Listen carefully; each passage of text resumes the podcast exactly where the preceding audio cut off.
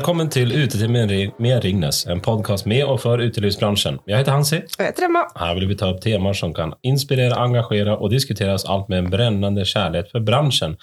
Vi begge har vært og er rundt mange år. Ja, Hansi, I høst så kom du og fortalte entusiastisk om et eh, foredrag du hadde vært på, om økonomi og uteliv. Og Du hadde bl.a. hørt at vi aldri har brukt en større andel av budsjettet vårt på tjenester enn det vi gjør nå, at folk har kanskje tatt seg en ferie til mindre eller kortet ned reisen med noen dager, men de har kost seg med restaurant og uteliv. Utelivsbransjen var, kanskje mot alle odds, i vekst. Og hun som hadde holdt foredraget, hun het Ine Oftedal, og hun er gjest hos oss i dag. Eh, Ine er direktør for datatransformasjon i DNB, og har da siden 2020 ledet DNBs satsing på datadreven innsikt. Og gjennom milliarder av betalingstransaksjoner så skapes unike analyser av den økonomiske utviklingen innen norsk næringsliv og for private husholdninger. Ine er jo et kjent ansikt fra mediene, hvor hun de siste årene jevnlig har uttalt seg om kortbruk, kundeatferd og forbrukertrender. Velkommen! Tusen takk. Ja, Ine, hvordan, hvordan, ser det ut for utelivsbransjen nå, noen måneder, en jul og et par rentehopp eh, senere? Ja, eh, overraskende nok så ser det jo fortsatt eh, ganske bra ut. Jeg kikket litt på tallene både målt mot siste normalåret 2019. Så hvis vi skal starte med en liten fun fact fra Oslo, så har vi brukt 61% mer på uteliv i 2023 enn i 2019. Og selv når vi hensyntar den enorme prisveksten vi har hatt, 33% med. Wow. Så det er en voldsom vekst som må nevnes har avtatt eh, litt i 2023. Fortsatt vekst, men ikke så mye som det vi så rett etter at eh, pandemien eh, var over. Mm. Men følger det her resten av økonomien? Altså, Vokser vi overalt? Nei, det gjør vi ikke. Så her kan du si at solskinnshistorien er sånn sett uteliv økonomien eh, totalt, der er det jo en eh, cocktail av rentehevinger, og vi eh, får ja, inflasjon som vi aldri har sett maken til. Og da er det klart at mange har måttet gjøre litt grep i økonomien sin. Ikke store grep, men vi reduserte litt grann i 2023 målt mot 2022. Men så får vi da sånn som uteliv, og det hører jo til tjeneste, og det nevnte du i introen. Vi prioriterer tjeneste. Så mm. det er en evigvarende ketsjup-effekt etter eh, pandemien. Det savner vi så mye at vi ser at vi fortsatt legger igjen penger på tjeneste, og så skrur vi heller igjen krana betydelig mer innen varehandel. Ja. Men vi var inne på det litt, at, at folk anvender sine sparepenger nå mer enn før, at man ikke hadde det ekstra å sette undan. Er det, det fortsatt så? Er det tomt på konto hos folk, eller har folk penger kvar? Ja, det er et gøy spørsmål. Eh, under pandemien så brukte vi litt mindre penger. Dermed så bygde vi oss opp en ekstra buffer. Så kom eh, denne her euforiske gjenåpningsperioden. Vi blir eh, litt som Ole Brumm på speed. Vi skal ikke bare ha ja takk, begge deler. Vi skal ha ja takk. Jeg vil gjerne bruke penger på absolutt alt. Hva skjer da? Da begynner de tørre kruttet på kontoen å få beina å gå på. Så vi tærer og vi tærer og vi tærer. Og nå er vi på et veldig spennende punkt. Vi har brukt opp den ekstra bufferen som vi sparte i pandemien, er tilbake igjen på samme nivå som 2019. Og hva gjør vi da? Skrur vi igjen forbruket, eller begynner vi å tømme videre på sparebøssa vår? Så akkurat nå så er det litt vanskelig å si. Kanskje vil vi se at nordmenn eh, strammer til enda mer. Mm. Eller så vil vi se at de fortsetter sånn som de gjorde i 2023, og si at ok, jeg vil heller bruke sparepengene mine, men opprettholde forbruket mitt. Men om vi beholder det på en høy nivå, og, og Jonas prater om altså, ljusere tider og nå skal det gå bedre, ser ni samme saken i tal? talen? Ja, Det tyder jo på at 2024 faktisk blir litt bedre, men det blir nok eh, et halvår nå som vil oppleves litt tøffere. Rentehevingene biter, inflasjonen, og så i tillegg så er det litt, litt skralere på kontoene våre, så der kan vi nok se at det blir en litt mer edruelig pengebruk. Mm. Så eh, jeg skal ikke si at det er bare solskinn eh, enda. Nei. Men En siste high level-spørsmål her, og det er med kronen, som alle prater om. Ser vi noe ljuspunkt der? Kommer vi kunne åke utenlands igjen med våre penger? Ja, Det blir nok en bedring på det òg i 2024, men eh, nå skal ikke jeg leke altfor mye Nei, makro. Og så kan man jo si, hvis vi kan svinge litt inn og ta reiseliv og knytte det opp til eh, uteliv, så bør egentlig utelivsbransjen håpe på at eh, det ikke blir så mye bedring. At vi holder oss eh, her hjemme. Fordi det vi ser er en ja, Vi kaller det for eh, lipstick-effekten. Det er ikke vårt begrep, men jeg kan ta litt kred for å ha brakt det med inn i media i 2023. Men det kommer fra USA, som sier at under krisetider så flytter forbrukerne forbruket sitt fra dyre luksusvarer og over på rimeligere. Så eh, leppestifteffekten kommer av at salget av leppestift eh, går opp i USA under krise, og det gjør det i Norge òg. Men hvis vi trekker den over til uteliv, det vi ser er det at vi har reist mindre. I 2023 så reiste vi 16% mindre enn eh, enn før pandemien. Mm. Men vi koser oss da enda mer på restaurant og uteliv. Så de samme menneskene som korter ned ferien eller har rimeligere ferie, de trenger liksom et klapp på skulderen, litt hverdagsluksus, og så går de ut og spiser og drikker godt. Mm. Så hvis de plutselig begynner å reise mye mer, så vil nok det gå utover restaurant og Mm. uteliv. Så her bør man egentlig håpe på at det blir mange skuffelser på feriefronten, og mye ekstra kos eh, ute med god mat og drikke. Men er det, altså si god mat og drikke, er det segmenter i utelivsbransjen som går bedre enn andre? Altså går folk ut, de både spiser, går på nattklubb? Egentlig ja. Ja. Så eh, alt fra fastfood til bakeri til eh, uteliv til eh, restauranter. Men så må det sies at den store veksten, det er det de med høy inntekt som har stått for. Så det er jo en, en liten overvekt av òg de litt dyrere restaurantene. Mm. Det som er en sånn skikkelig, skikkelig hverdagsluksus, en treat, som har gått bra. Og så er det jo en, eh, en stor etablering. Det kommer veldig mye nytt. Eh, Så her blir det nok òg et spørsmål om konseptene. Mm. Er det noen forskjeller sånn geografisk også? Ja, du kan si Oslo skiller seg ut. Eh, Så jeg kommer godt forberedt i dag og har med meg en lang liste av trivia på Oslo. Og det er nettopp fordi at de store, spennende trendene, det er Oslo. Ja, få høre! Ja, her har jeg massevis. Vi kan jo starte litt eh, overordna på hvor viktig Oslo er for eh, bransjen. 20% av alt det vi bruker innen uteliv, det legges igjen eh, i Oslo.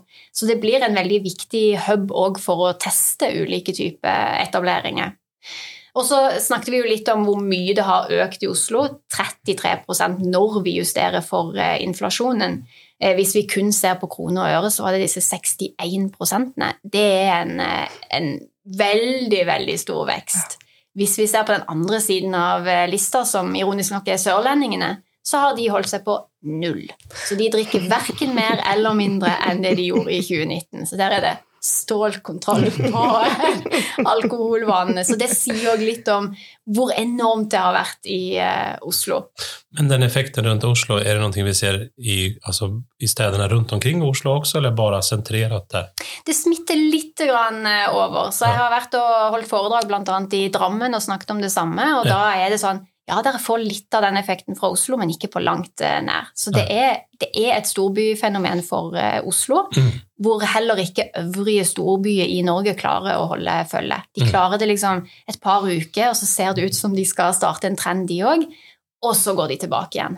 Vi pratet en del om det der, spesielt i pandemien, at folk kanskje heller gikk ut på en lokal sted. Men det ser vi at vi er bort fra. Nå skal vi inn i sentrum igjen, eller? Ja, og så kan man jo splitte òg på bydelene i eh, Oslo. Eh, Ja. Og da er det fem hovedbydeler som spesielt innen uteliv står for 70% av eh, all omsetningen. Wow! Ja, så det? det, det er Frogner, Sankthanshaugen, Grünerløkka, Gamle Oslo, og så er det Sagene. Ja.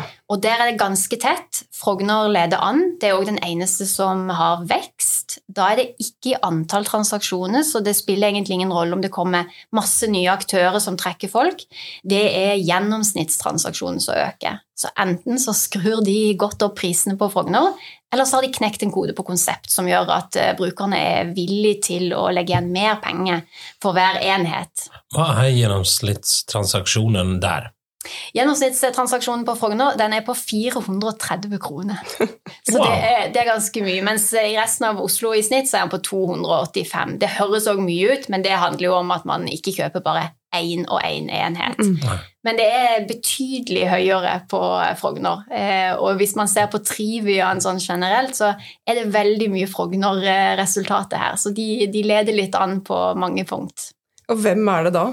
Hvem på Frogner er det? Er Det, det er menn. det er menn. Ja, det er Hvis man skal bli påspandert her i Oslo, så er det opp til Frogner. Der er det god 20 større sannsynlighet for eh, å bli påspandert. Men menn står for 70 av eh, all omsetningen innen uteliv i Oslo. Så jeg har tulla litt med at menn drikker tre ganger mer enn kvinner. Det er jo ikke helt sant, for de spanderer og legger nok ut i litt større grad. Men hvis man skal velge konsept eh, som skal gå enten mot eh, menn eller kvinner, så er det nok kanskje mennene som er viktigst å få på kroken. Men eh, jo da, de, de vokser i prosent, men er det også altså, en, en, en større verdi på Frogner enn i andre steder? Ja, totalt sett så legger vi aller mest igjen på Frogner. Så det handler kanskje litt om hvor eh, utestedene er lokalisert. Ja. Men det er den, den beste huben for eh, uteliv. Wow. Ok, Er det noen spesielle konsepter vi kan gå inn på? Nei. Noen kan vi gå ned? Nei, vi, vi har ikke analysert ned på konseptene. Nei, Jeg blir nysgjerrig nå. Eh, Ja, det, kanskje skal vi ta en sånn der liten research-tur opp og så se hvor, eh, hvor det ser best ut. Ja. Nei, Det handler jo òg om hvor utestedene ligger. Så typen nederst på lista så finner vi Grorud. Det er ikke veldig mye uteliv som skjer der. Mm. Det som er spennende, er når vi begynner å se på hvor bor kundene som bruker mest på uteliv. For min hypotese var det vil være ganske jevnt. Om du bor på Grorud eller på Frogner, det er en kort T-banetur ned, og så kan du bruke de samme, samme summene. Mm. Men sånn er det ikke. Det er de samme fem bydelene som òg har innbyggere som bruker mest. Mm. Så mann bosatt på Frogner bruker fem ganger mer enn eh, mann bosatt på Grorud. Så det kan man ikke si ja, ja, det er lønningene. Nei, det er det ikke.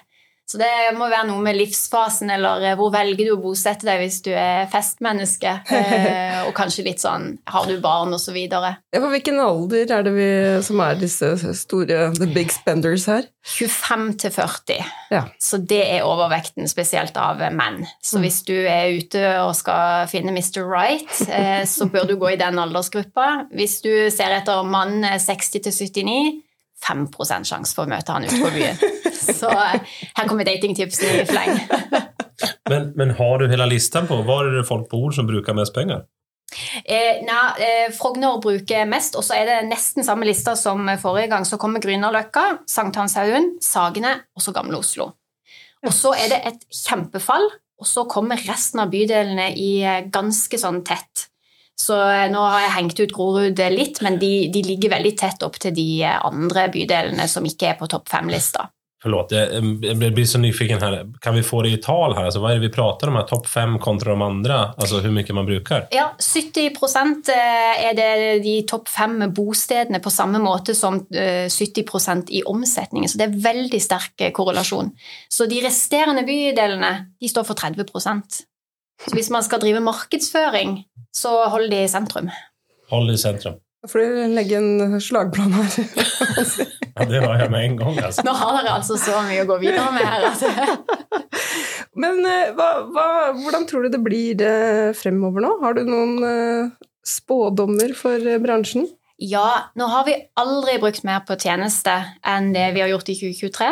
Eh, Det er ganske spesielt for Norge, eller Norden generelt. Eh, Vi er ikke sånn som eh, lenger sør i Europa, hvor man er mer ute og bruker penger. Nordmenn de liker seg hjemme med varehandel. Og nå plutselig så ser vi at vi er mye mer ute på opplevelse, og det er restaurant og uteliv, kos, hygge og sosialt. Det tror jeg kommer til å fortsette i 2024, at den prioriteringen står seg, at vi heller strammer inn på eh, andre ting. Eh, Så skiller jo reiseliv seg litt ut akkurat eh, der. Jeg tror at det vil fortsatt være en innstramming der. Og dermed så vil, tror jeg, restaurant og uteliv klare å holde seg på et relativt høyt nivå. Ikke sikkert det blir så veldig mye mer vekst, men en litt sånn stabil, eh, stabil ferd gjennom 2024. Så jeg tror at den leppestifteffekten, den eh, ekstra kosen, den tror jeg vil være sterkt knytta til god opplevelse ute. Både restaurant, uteliv og annet som er sosialt. Mm. Du sa noe spennende der angående de andre nordiske landene. Kan du se noen lignende saker? Ja, vi er veldig like eh, i eh, både Danmark, Sverige og Finland. Eh, og der ser vi òg at de prioriterer tjenester i større grad enn hva de har gjort før. Så dette er ikke unikt for eh, Norge, men jeg har ikke klart å finne tall som ser så bra ut som det vi ser i Oslo. Nei. Men selvfølgelig, statistikk er statistikk, så eh, noen vil ligge under, noen vil ligge over. Sånn vil det alltid være. Hva med, med de tallene angående stadskjerner? Altså at, at det er fem områder som bruker 70% Ser vi noe lignende i noen andre nordiske Nei, det har vi ikke tall på. Nei. Eh, Så det er ganske unikt det vi òg gjør i DNB med å splitte på bydeler og, og se såpass dypt ned i eh, puddingen. Ja. Så de aller fleste de ser litt mer overordna. Det gjør sånn sett vi òg. Så det er, det er en spesiell treat for dere at jeg kommer med såpass, såpass granulære tall. Veldig.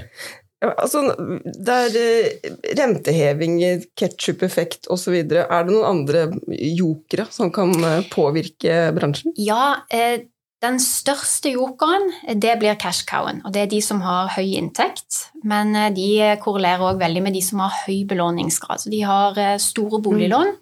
Eh, Det er de som strammer inn aller mest nå. Samtidig så er det de som eh, bruker aller mest og aller raskest av sparepengene. Så de står litt nå i en eh, spagat. Hva skal de gjøre? Skal de bruke videre sparepenger, eller skal de begynne å stramme inn?